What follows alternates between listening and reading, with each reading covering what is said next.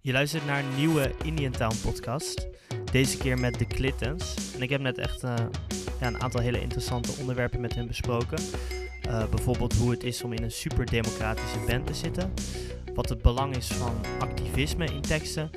En waarom zij als band niet de standaard paden bewandelen, zoals een popronde of een Noorderslag.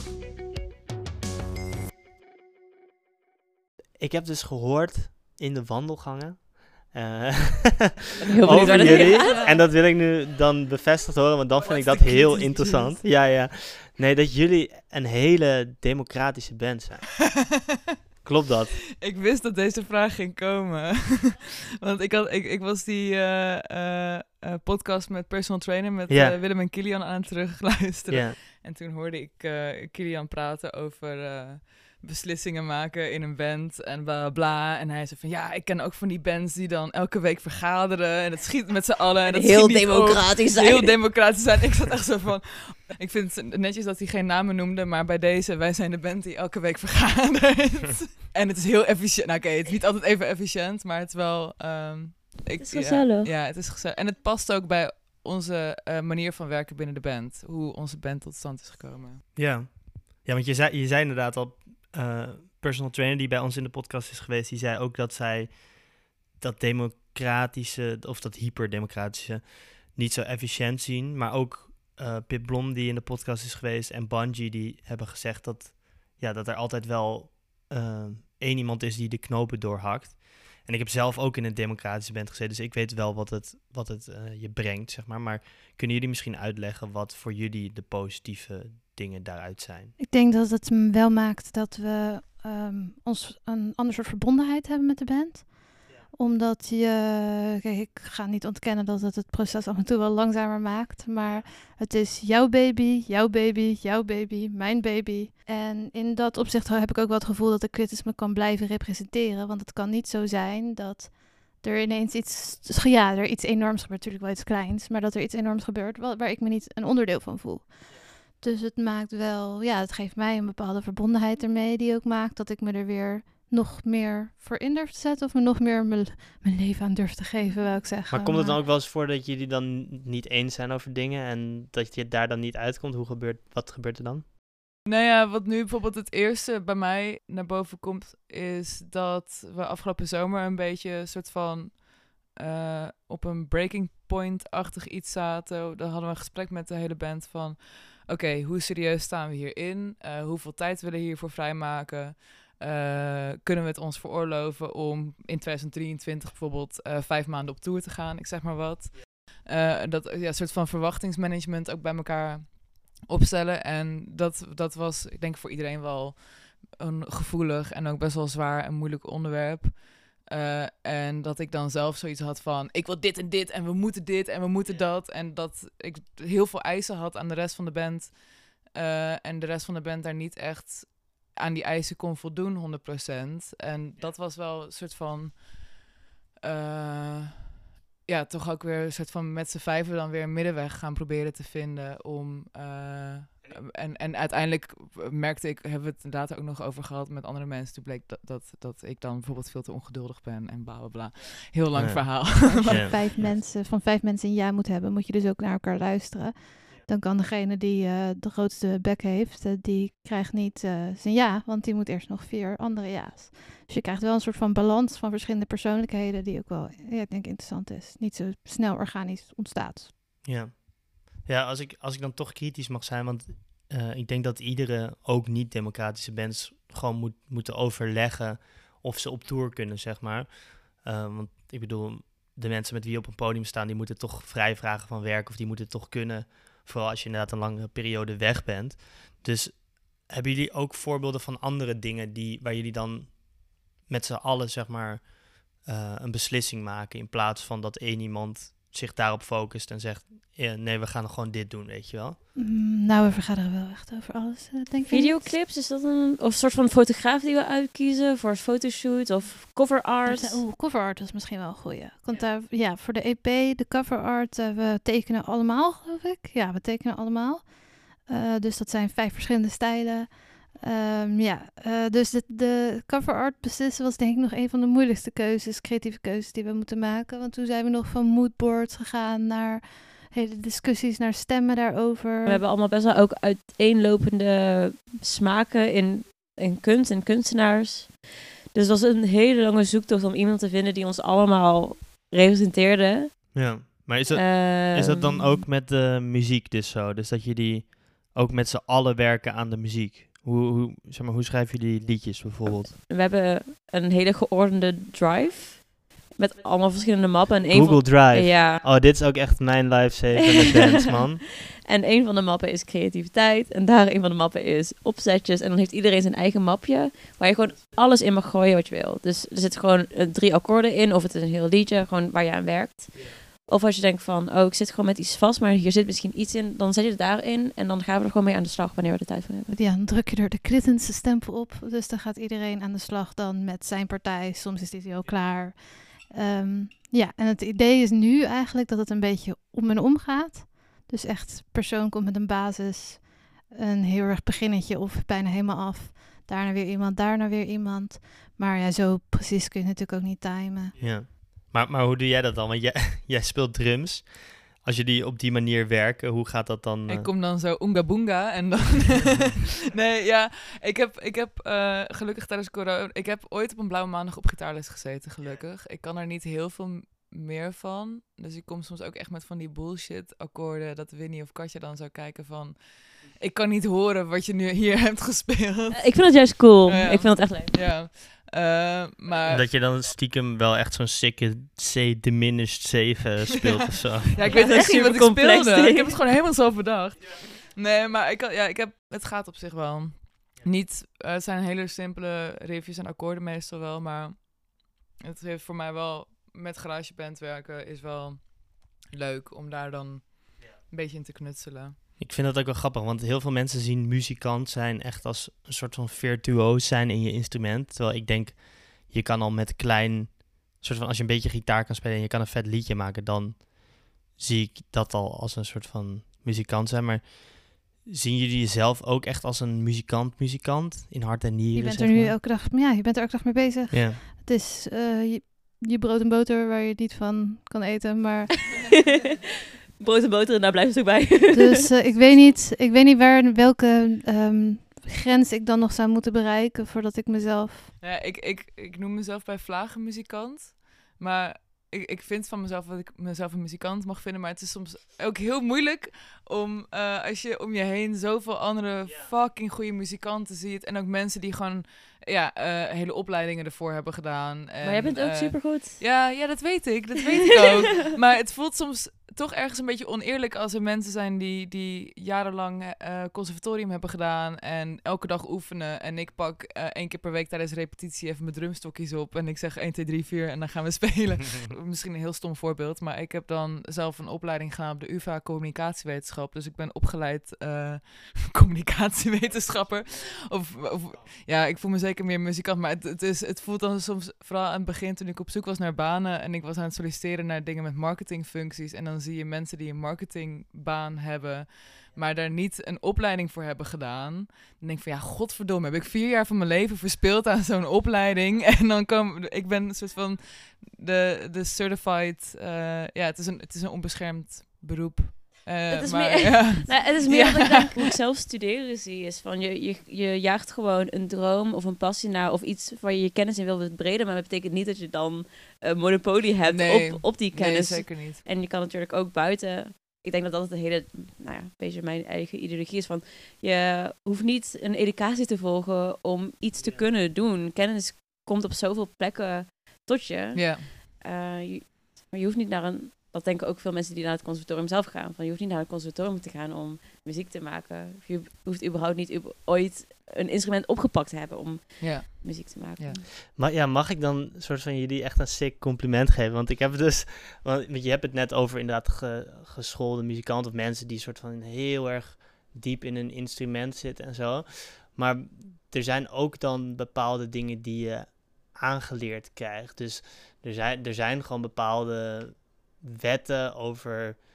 Nou, jij zei net bijvoorbeeld van, jij komt soms met een gitaar en dan denk van, huh, dat zou ik nooit hebben gespeeld. En het is waarschijnlijk omdat je op een bepaalde manier al een toonladder in je hoofd hebt. En als je drumt, dan heb je altijd al een bepaalde eh, wet in hoe je zou moeten drummen, zeg maar. En dan heb je vaak, wat nu bijvoorbeeld in popliedjes zo is, is dat een couplet eh, dynamisch anders is dan een refrein, zeg maar. Maar ik vind dat bijvoorbeeld met bepaalde nummers van jullie, dan lijkt alsof soort van het liedje echt helemaal een soort van helemaal compleet af is, maar dat de insteek soms net anders is.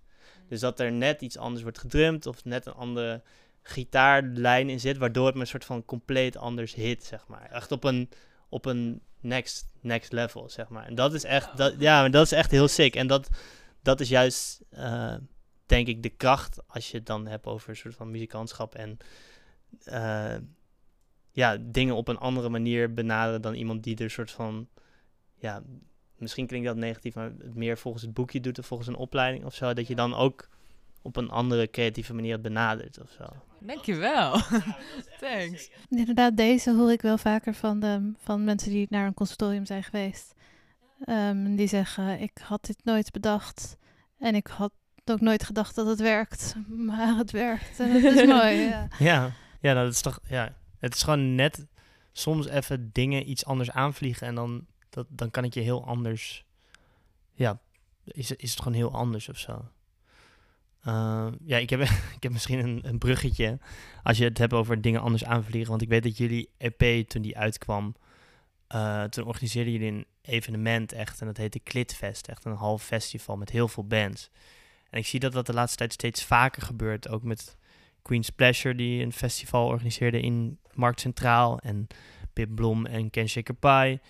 Maar ik vraag me dan af, waar is dat idee van jullie toen ontstaan om Klitfest te organiseren? Volgens mij was het weer gewoon een idee en dan werd het groter en groter en escaleerde het. Gewoon het enthousiasme. We wilden gewoon al heel lang Klitfest organiseren, maar we hadden nog niet echt een concreet idee van waar dat voor moest zijn. We hebben Klitfest georganiseerd met het idee van het lijkt ons gewoon heel leuk om uh, te spelen met artiesten die wij ook heel cool vinden en uh, met wie wij graag het podium zouden willen delen. En inderdaad ook gewoon een geëscaleerd idee. Uh, ja, en ook soort van, we vinden het gewoon, ja, dat inderdaad. Van, we zijn gewoon creatief op meerdere fronten, niet alleen muzikaal. Hop, ik doe mijn haar zo goed. Nou, um, zeg maar decor, versiering, onze hele esthetiek daarop op loslaten. Ja, dat soort dingen. Oh ja, dat, oh ja, dat was er ook, ja. Het is gewoon super leuk om dat helemaal, I don't know, gewoon een ruimte helemaal te kunnen inrichten zoals jouw droom. Ja. Het is wel echt een in ass. Het, was, was best wel, we hadden toen ook super druk, want de EP kwam uit, we hadden dus Klitfest. We gingen op tour. We moesten de distributie van de EP hadden we nog geen enkele clue van. En um, ja, onze bassist was nog in Noorwegen. het was echt zo chaotisch. Het was, het was zo'n heftige periode, maar leuk. Maar zo leuk. En we gaan het sowieso volgend jaar weer doen, toch? Ja. ja. Jullie hadden het net al over dat het zo awesome is om een hele zaal aan te kleden en helemaal in je eigen stijl en zo. En dit is een vraag die ik trouwens ook in de personal trainer podcast heb gesteld. Maar dat, ja. toen ik jullie live zag, toen kwam er ook al gelijk heel, heel, duidelijk iets over. Of een hele duidelijke esthetiek of zo. Hoeveel denken jullie na over live shows? We denken te veel na. Deels. We denken vaak veel over na van hoe we ons op het podium willen presenteren. Maar met uitgangspunt is altijd, je moet comfortabel zijn. Dus als je die dag ja. gewoon in je pyjama wil spelen, dan zorgen we wel dat we daar aan mouw aan passen. Maar we spreken dus wel thema's af. Um, en je moet proberen om je binnen die, dat thema dus aan te kleden. Oh, wat sick. Per optreden. Ja, maar dat kan dus ook ineens zijn. Uh, en ik hou de WhatsApp doorgaans niet super goed bij. Het kan ook ineens zijn uh, zakelijk of seks, sexy business. Dit is hem niet, dit is hem niet, maar dat is even hoe ik hem herinner. Zeg maar. En dan moet je dus ergens nog een colbertje vandaan halen. dus voor het laatste optreden stond ik in een legging, een fel oranje overhemd van Laurie, een colbert van mijn moeder en... Um, dus ja, we, we, denken erover na, maar we zijn niet... Uh... Je laat wel mensen een beetje vrij ook weer. Ja. ja, en als ik denk, als we heel veel geld hadden, ik zou wel een keer een make-up artiest willen, want ik uh, doe altijd veel te veel foundation op en dat weerspiegelt dan op mijn gezicht. En dan ben ik achteraf een soort van uh, lichtknopje. Denk jullie dan ook shows echt uit of gaat het puur op de esthetiek van wat jullie aan hebben? We denken qua performance, qua hoe we gaan bewegen, denken we het niet heel erg uit. Het is wel vaak van tevoren, oké okay, El, dansen, vergeet niet te bewegen. Denk aan een personal trainer. Thanks Willem. Maar eh, ja, dat, dat, nee, als je dat te veel forceert, dan moet gewoon, soms staan we, gaan we helemaal los en soms zijn we echt eh best wel Je moet hem voelen. Je moet hem voelen, ja, zo Ja, simpel is het wel toch. Ik, ik neem mezelf wel dingen voor, zo van ik ga van het podium springen. eh, maar als dan net iemand me een soort van verkeerd aankijkt voordat ik dat wil gaan doen, dan denk ik, nee, laat maar. ja. Maar we hebben ook wel eens dingen geprobeerd dat we dachten van, oh, misschien moet, de- moet bij dit nummer dat je gaat zitten, want het is dan rustig. En als van, mm, en dan moet je daarna weer soort van opstaan, heel ongemakkelijk. Ja, maar dat zijn ook, dat zijn ook show-elementen. Ik bedoel meer, ook hoe ik jullie zag, was meer dus een identiteitsding. Dus dat er een hele duidelijke vibe eh, op het podium staat. Eh, ik, had, ik had trouwens sowieso daar ook nog een vraag over. Want wat ook een groot onderdeel van jullie band is en hoe jullie overkomen, is gewoon de naam. De Clintons, zeg maar. Het roept wel gewoon automatisch iets op. En ik ben heel benieuwd. Ja, het is echt een super stomme vraag. Want het is letterlijk waar. Hoe komen jullie op de naam? Want dat is een standaard bandvraag. Maar ik ben gewoon heel benieuwd hoe dat is ontstaan en of daar een idee achter zit. Oké, we zaten dus op een bankje voor de Rijnmond Academie. En ehm, het begon eigenlijk met het idee dat we een platform wilden oprichten om onze politieke Idealen. ideeën te, nou, te platformen. Ehm, maar politiek, het zou, het zou dus echt een politieke band worden dan gelijk. nou, het was toen nog niet een band, het was toen een platform. Bedoel je dan met schrijven? Of Nou, we we waren eerst binnengekomen met om een guerrilla-actie te doen tegen vleesconsumptie. Wat nu heel hypocriet komt, eh, eruit komt, omdat ik dus net heb had over de Chinese nest. Waar ik zo meteen wil gaan eten. Anyway, toen hadden we het idee om zeg maar een stickeractie te doen in de Albert Heijn. Om allemaal soort van stickers op de vleesverpakkingen te doen van meat is murder. En zoiets of zo van de echte foto's uit het slachthuis. Zodat mensen dat zouden zien en denken, eeuw, dit wil ik niet eten. Ja, Nou ja, nu wel. daar komt ie. een maand later heeft Arjan Lubach dit gedaan. Dus hij heeft gewoon achter ons langs gelopen, denk ik. Ja, toen had hij een soort van, van die beter of slechter leversticker gemaakt. En in plaats van dat het dan drie sterren waren, waren het dan drie bloedspatters of zoiets. Of... In ieder geval, dat idee hadden we. En toen dachten we, wat is een goede manier om een platform te creëren? Muziek.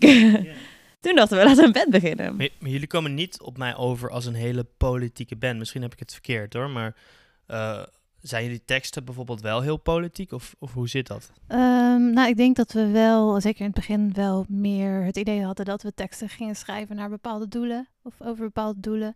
Maar ehm, dat is eigenlijk nu niet zo. We zingen niet heel specifiek over tegen de vleesindustrie of tegen seksisme. Of, ehm, dus nee, de teksten zijn nu niet inhoudelijk daarop gericht. Ik denk wel dat het nog.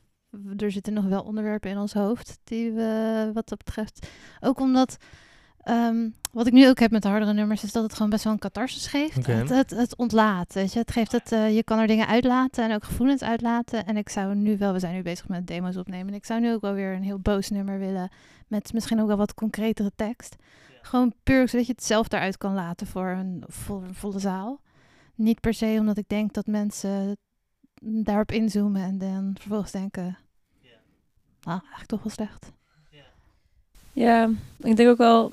Ik heb zelf een paar teksten geschreven voor een aantal nummers, maar dan gaan ze misschien wel over iets politieks, maar dan maak ik het weer zo cryptisch dat het er eigenlijk niet uit te halen Ja, is. precies. Dus dan ga ik gewoon heel veel omschrijven met gewoon random woorden, waardoor het dan meer gewoon een, meer een, eh, een eh, gedicht op tekst is dan echt een statement nummer of Maar, zo. maar dat is het denk ik ook. Onze teksten zijn eigenlijk in zijn totaliteit zijn allemaal wat cryptischer dan sommige straight-up punk nummers, fuck, fuck society, zeg maar. We, we, we zijn best wel omslachtig nog. Misschien ook een beetje uit een soort voorzichtigheid of zo. Ja. Maar het lijkt me wel leuk om echt Ja. dingen meer aan te kaarten en duidelijker aan te En kaarten. boosheid eruit te laten. Ja. Ik zei trouwens leuk, maar ik bedoel meer belangrijk. Want we hebben, vooral nu we iets meer aan het groeien zijn en ook echt een, meer een platform hebben om iets te kunnen hmm, veranderen, vind ik een groot woord, maar in ieder geval kunnen bijdragen aan de discours. Ja, het is gelijk wel. Ik, ja, ik moet dan natuurlijk gelijk natuurlijk aan Hang You te denken. Maar dat is ook gewoon straightforward, duidelijke tekst. Ehm, muzikaal gezien misschien niet helemaal mijn smaak. Sorry, Hang You. Eh, maar wel, ja, gewoon echt eh, super duidelijke boodschappen waar ik het dan mee eens ben. En dan denk ik soms ook met de klittens van. Moeten wij dat ook doen? Of heeft het ook wel weer zijn charme dat het bij ons zo heel erg verpakt is of zo? Maar ik Ah, denk I don't dat know. het- Oké. ja. Ik zeg niet dat ik van Sophie Straat schrijf best wel veel over ongelijkheid, over seksisme. En die schrijft ook van die teksten die heel toegankelijk zijn. En mensen zingen dat mee. En ze spreekt ook een publiek aan. Oké, dat gaat te lang door, bla bla.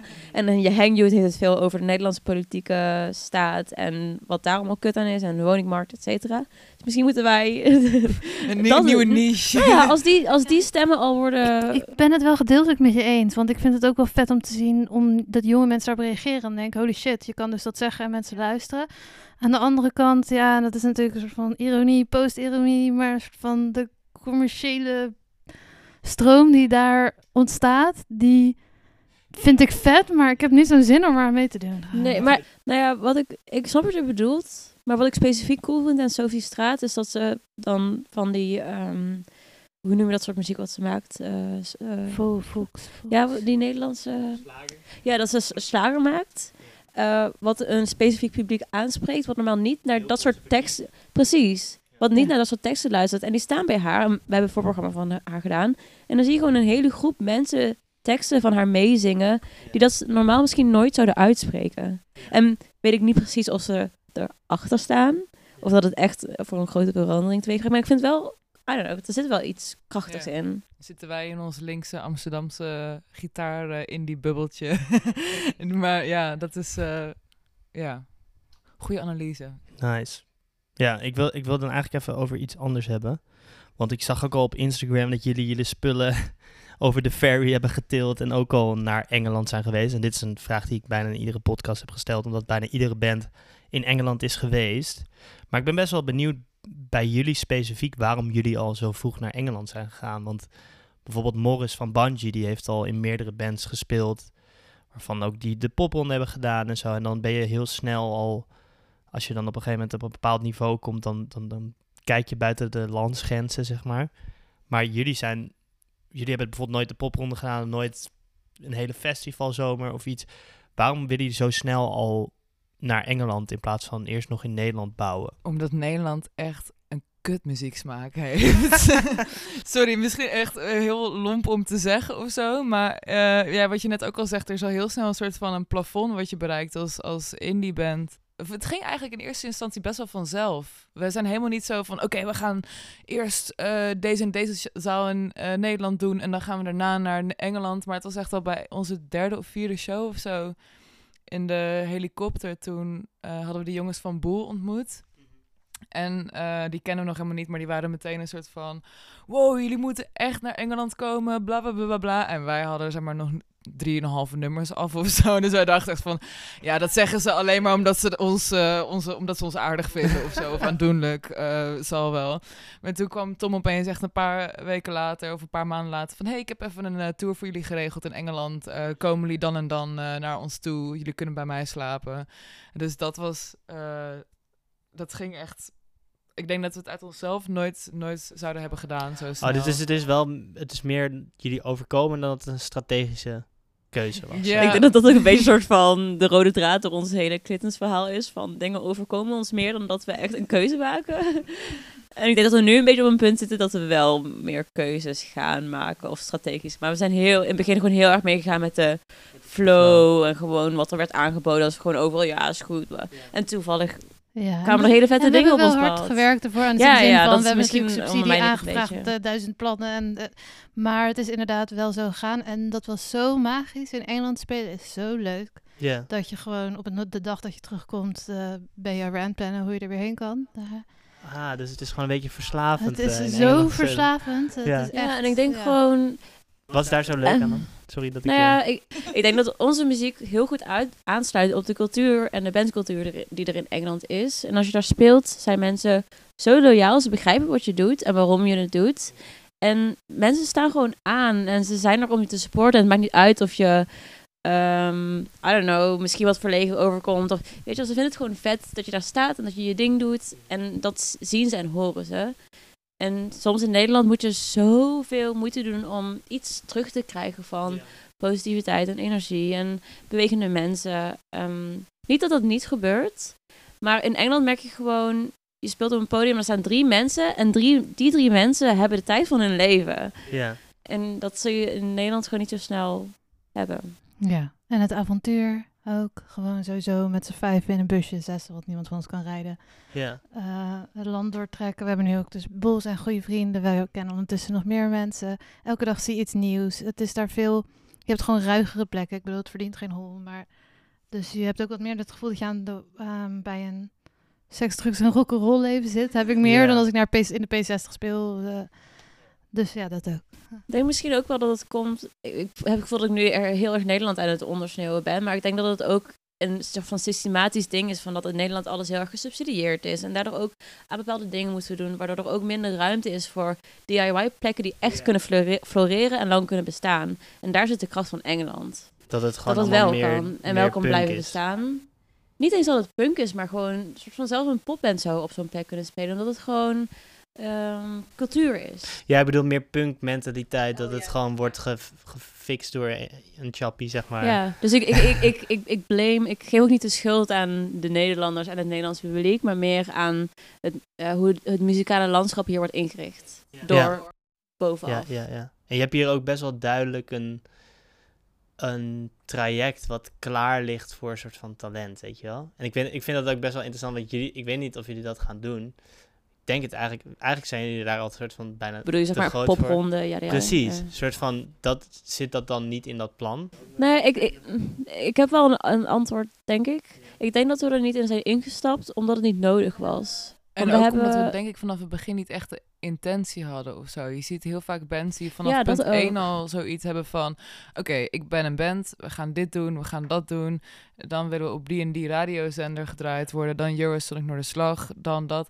Maar wij hebben voor mijn idee gewoon twee jaar gewoon een soort van aangekloot. Omdat we in eerste instantie nooit echt de intentie hadden ook om ook maar die eh, repetitieruimte uit te komen. Ja. Of tenminste, zo voelde het voor mij heel erg. Het was heel erg van, oké, we gaan gewoon een beetje jammen en we kijken wat er gebeurt. En dan krijg je opeens zoveel eh, enthousiaste en positieve reacties. En je merkt ook in de groep dat we het allemaal zo leuk vinden om te doen.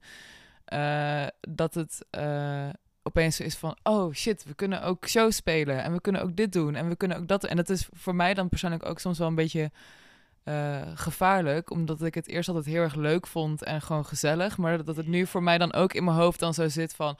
Ah shit, als we dit jaar niet eh, een nieuwe EP uitbrengen... of niet op die radiozender gedraaid worden... of niet op Eurosonic Noorderslag... dat dat je dan opeens van dat soort gekke doelen voor jezelf gaat stellen. Dat, Je vindt het belangrijker om, de, om bezig te zijn met soort van een podium vet aankleden op je eigen festival... dan soort van een heel strategisch...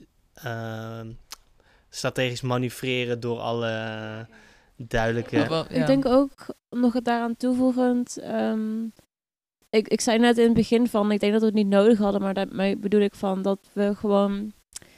Ik, ik vond soms, soms zeg maar, we kregen gewoon heel veel mailtjes binnen van plekken van, willen jullie daar spelen, willen jullie voorprogramma doen?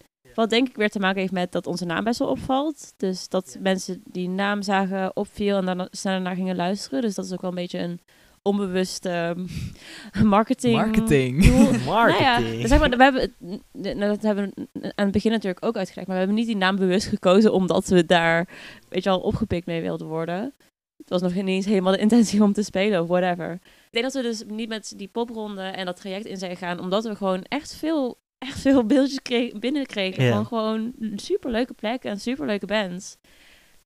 En ik denk ook, ja, mee eens. En ik denk ook dat juist nu we jaren verder zijn en ik inderdaad steeds meer dat traject zie, of steeds meer die stappen zie die bands dan doen, dat, dat, dat, dat ik dan ook steeds, dat ik dat niet wil doen. Of er minder behoefte krijg om dat te doen. Omdat, ja. Ja, dat het niet bij jullie past. en ook een soort van, eh, we hebben tot nu toe niks gedaan met het idee om er iets uit te krijgen, behalve, Dat het leuk is. behalve dat we gewoon weten dat dit is wat we willen doen. Ja. Ehm, en ja, ik weet niet of die koers ons voor altijd eh, werkt. Ja, de, Ja, want als je, als je het wel weer terugkoppelt naar het begin en je zegt wel, oké, ja, eh, we willen een tour doen van zes maanden, dan moet je wel, ehm, ik weet niet of, is dat dan altijd een soort van sustainable als je niet daar zo over nadenkt? Dus meer advocaat van de duivel, zeg maar. eh, Ja, maar Eh. ik denk ook dat, want het is niet alsof we nu, zeker Laurie heeft al meer tactisch inzicht, maar wij allemaal hebben over de jaren wel een soort van tactisch inzicht gekregen in wat werkt en wat niet werkt. En ik denk ook niet dat dat traject betekent natuurlijk sowieso geen succes. En dat het brengt ook weer een soort van bepaalde afbakeningen met zich mee. ja. Dus ik denk dat we misschien ook wat meer af en toe de de vreemde, vreemde sprongenwagen of misschien zelfs soms een beetje kamikaze op het eerste gezicht. Maar dus, ik- want het is ook niet alsof ik nu naar andere acts kijk en denk, oh, want ik zie nu jullie pad en denk, daar wil ik ook komen. Nee. Ja, en uh, misschien een, een andere vraag die daar goed op aansluit. ehm, is dan zo'n. Wat, wat zou je dan wel willen? Want als je bijvoorbeeld. Ik, zou, ik zeg maar iets heel geks. Maar als jullie de, de, de subsidie van de staat zouden krijgen. en jullie krijgen een miljoen. Wat zouden jullie dan doen? Oké, nou sowieso zouden we een huis kopen in Amsterdam toch en er allemaal gaan wonen. Ja. met mijn hond. Ja. Wacht, maar als band gaan wonen. Ja, Van de subsidie. Clintons Bandhuis. Ja, studio. Met studio erin. Centraliseren. Eh, ja, dat Ah, zou ja. schelen. Ook met reiskosten, waarschijnlijk bespaard uiteindelijk. Ehm, en we willen op tour. Eh, ik wil sowieso weer naar Engeland, maar Japan. we willen... Amerika. Japan, Amerika. Oké, Larry wil wat zeggen. Hier. Nee, ik denk dat... eh, of, eh, sorry, nu pak ik hem gelijk zo. Ik heb even een strategisch eh, antwoord. Ik heb hier even naar gekeken. Nee, maar het, eh, eh, het, wat, waar ik nu meteen aan denk is... We hebben met deze EP alleen nog maar in Engeland en Nederland gespeeld. En het lijkt ons, tenminste mij wel heel erg leuk... om in de rest van Europa ook te... Ja, in één show in Duitsland... Of twee, twee shows in Duitsland en één show in België. Maar sowieso ook om daar gewoon veel meer te spelen. Want daar is ook een veel heel enthousiast publiek. Ik denk vooral in België heb ik heel erg hoge verwachtingen van. Ik weet niet waarom. Ehm, ja. ja, dus ik denk sowieso nog onze EP daar laten horen. En dan een nieuwe EP opnemen die dan echt heel sick wordt. Met En ik denk dat we, waar we de afgelopen week veel over hadden, was ook dat we onze show, zeg maar, meer als een show willen hebben. Dus dat we echt met stage props willen werken Ja. en vaste kleren die we dragen en, ehm I don't know, gewoon podiumdesign en daar echt een show omheen bouwen. Want dat is ook wel iets wat, wat we graag meer willen ja. eh, eh, onderzoeken. Ja, en we hebben laatst voor ons als banddoel eh opgesteld. Zeg maar, sowieso hadden we aan het begin dus geen doelen. En toen werd op een gegeven moment het doel van... Oké, we willen een EP opnemen en die uitbrengen. Nou, dat doel hebben we nu bereikt. Dus ons volgende doel wordt nu om te gaan toeren in Japan. Eh, dat willen we echt heel graag. Wow. Dus als je een band bent... Maar ja, ik, ik, ik snap ook wel dat als je in Japan wil toeren... dan moeten daar ook wel een paar stappen aan vooraf gaan. Dus dan zou je ook in Europa meer moeten toeren... om daar waarom- wat meer naamsbekendheid... Ja, ik denk... Gewoon- ja, ge- gewoon cool. ja. Nee, ja, en ik, ik, ik, ik- ja, ik denk ook wel... eh, ik denk dat we sowieso allemaal heel graag naar Japan zouden willen. ja. Eh, Katja die is er al een keer geweest. Ja, fuck. Dit klinkt En, wel echt, ehm, ik vind het wel heel cool, want het klinkt wel echt iets wat soort van heel uniek is en wat heel erg bij jullie zou kunnen passen. In plaats van een, weet ik veel, inderdaad een popronde of een no- Noorderslag, dat je gewoon Ja, een even tour een ronde in Japan. Japan doen. Ja. Ja, en ik denk, ik heb ook het idee alsof er in Japan een soort van, niet een hele grote, maar wel een hele fanatieke eh, groep fans is die heel erg, die, ja, en die ook heel erg fan is van het eh, genre waar we in zitten. eh, en die ook heel erg naar die, die beetje die Britse bands luisteren, die, nou, dat, ja, ik weet, ik, die, die Britse bands, maar een beetje bijvoorbeeld die So Young magazine-achtige hoek. Mhm. Eh, dat ik denk dat. Ja, ik, ik denk dat er in Japan wel echt veel potentiële vette fans zitten. Ja, ik word Dus zouden- zouden- ja, ja. Nou ja, en, we zijn dus nu ook al door meerdere Japanse, wel gewoon kleinere blogs en kanalen. Maar die, die hebben ons op de een of andere manier op hun radar zitten. Dus, er zi- er Ja. zijn- we zitten daar wel ergens in een hoek. Ja, maar dat al daar heb gevestigd. Ja. Nou, we hebben gemaild, maar we zijn ook random gemaild door Ja. bijvoorbeeld die Lulu Japan of zo. Maar oké, een miljoen is echt veel. Oh ja. Maar jullie zouden dus met een groot deel van dat geld gewoon gebruiken Best wel rendabel... Een miljoen is heel veel en dan willen we een huis in Amsterdam komen. Nou, weg Ja, oké, miljoen. ja, Dat Je gelijk. Je hebt gelijk. Oké, zouden jullie eerder het huis in Amsterdam doen of zouden jullie eerder een vet sikke tour in Japan doen? Nou, fuck. Oeh, dat vind ik een hele lastige, want ik zou wel heel graag met z'n allen in een huis willen wonen. in- eh, maar eh, ja, Oh, de- eh, Japan. Ik zeg Japan. Ja, want dan verdienen we zoveel geld. Dat we een huis in Japan, eh, in Japan in Amsterdam Ja. kunnen kopen. Ja, Nou. dus toeren en dan dat we gewoon twee maanden kunnen toeren door Japan of zo. Ja, wil ik. ik wil gewoon toeren. Daar komt het weer gewoon spelen, toeren, spelen, dan weer iets uitbrengen, En dan met weer toeren spelen, doen dan we ook toeren. gewoon zoals we dat in Engeland doen. Gewoon in een kroeg waar vijf mensen Ja. zijn. Ik doe het. Wat is de sixte ervaring op, eh, op tour of de meest opvallende die jullie nu te binnen schiet? Wow, ik krijg het. Carlisle. ja, wow. We hebben een... ehm, Sorry. in, in Engeland hebben we eh, veel luisteraars, maar we hebben echt een hele eh, dance, hoe zeg je dat? Eh, vast, f- hele, hele hechte fanbase in Carlisle. Dat, ik weet niet of je weet waar dat ligt. Nee, ik weet niet waar Dat dat is vlakbij Schotland, ergens in het noorden van eh, Engeland. En hadden we op onze eerste tour hadden we daar gespeeld in een heel klein eh, eh, soort van tweedehands winkel slash rariteitenkabinet. Ergens op de vierde ver- verdieping eh, op de heetste dag van het jaar in Engeland. Ehm, in een zaaltje voor twintig mensen. En eh, die zaal die ging helemaal los. Echt helemaal uit een plaat. Terwijl het echt 40 graden was daar of zo. Eh, zo er, dat was ook onze eerste toegift volgens mij die we daar moesten spelen. Maar we hadden geen nummers meer over. dus we hebben gewoon hetzelfde nummer nog een keer gespeeld. Classic dit. Maar toen, dat, die mensen waren zo enthousiast. En toen eh, is zelfs nog iemand de dag daarna naar onze show in Newcastle gegaan. Om ons nog een keer te zien. Dat was, dat was ook echt zo van... Want hij zei dat toen na die show in uh, Carlisle. En toen, Carlisle. En toen zei hij nog van ja, zal, hij zal het wel gewoon lief bedoeld hebben. En toen kwam die Ja. wat. Maar dat bedoel ik ook met de dedication in Engeland. Als ze iets zeggen, dan menen ze het. En dan komen ze gewoon. En dus waren we er, de afgelopen tour waren we er weer. En eh, iedereen van de, het vorige optreden was er zo'n beetje, plus weer nieuwe mensen. En het voelde gewoon zo erg, het soort van alsof we, we hebben een persoonlijke band met Carlisle specifiek. Ja. En ehm, Zien jullie dan ook op Spotify zo in de top 10 zo Carlo staan? nou, ik heb van de week weer even gekeken om wat de ver- verhouding is. En het is nog steeds wel echt heel veel Engeland ten opzichte van Nederland. Maar eh, nee, ik heb nee, zo specifiek had ik even niet gekeken. Ik zag nog best wel mensen in Den Haag, daar was ik blij om. Want ik heb het gevoel dat niemand ons daar kent. Ehm, maar ja, dus dat is gewoon wel, ja, dat was wel echt een, een Toen hoogtepunt. we daar eh, speelden ehm, de laatste keer, toen waren mensen dus weer zo, zo enthousiast. Dat van, hè, zijn mensen in deze stad gewoon heel erg muziekfan? Of zijn wij dit? En Of toen, zijn heb, ze gewoon zo verveeld dat ze blij zijn dat er een band uit het buitenland komt? en toen heb ik uit nieuwsgierigheid achteraf aan iemand die eh, in de zaal nog rondliep gevraagd van, zeg maar, is het... Zijn mensen fan van ons of gewoon van muziek? En toen was het van, nee, het zijn jullie. Wat? Daarom, het is ook een beetje zo'n treurig industriestadje. En dat zeg ik met liefde, want dat vinden ze zelf ook, zeg maar. Dus het heeft ook een hele aparte sfeer. Het is allemaal een soort van... Ja, en dan nog een stukje ellendiger. Ja. Met wat, wat meer afgetimmerde ramen. van- Ja. Ja. Ehm, ja. Misschien sluit de vibe van het stadje gewoon goed aan op bepaalde nummers of zo. ja, ze zeiden dat wij dezelfde soort, een soort van eh, vriendelijke treurigheid hadden. Dus ja, het is maar hoe je het, het, is maar hoe je het interpreteert. Maar toch.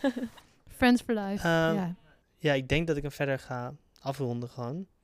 En verder heb ik gewoon nog een vraag of jullie een, een oproep hebben voor de mensen die luisteren.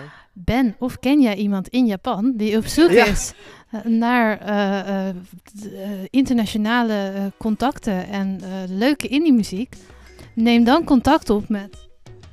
Eh eh, theklittens.gmail.com Dat was alweer de podcast met de Clintons. Eh, volg vooral Indian Town op Instagram en Facebook als je meer podcasts wil zien. Of horen vooral natuurlijk. En als je op de hoogte wil gehouden worden van events.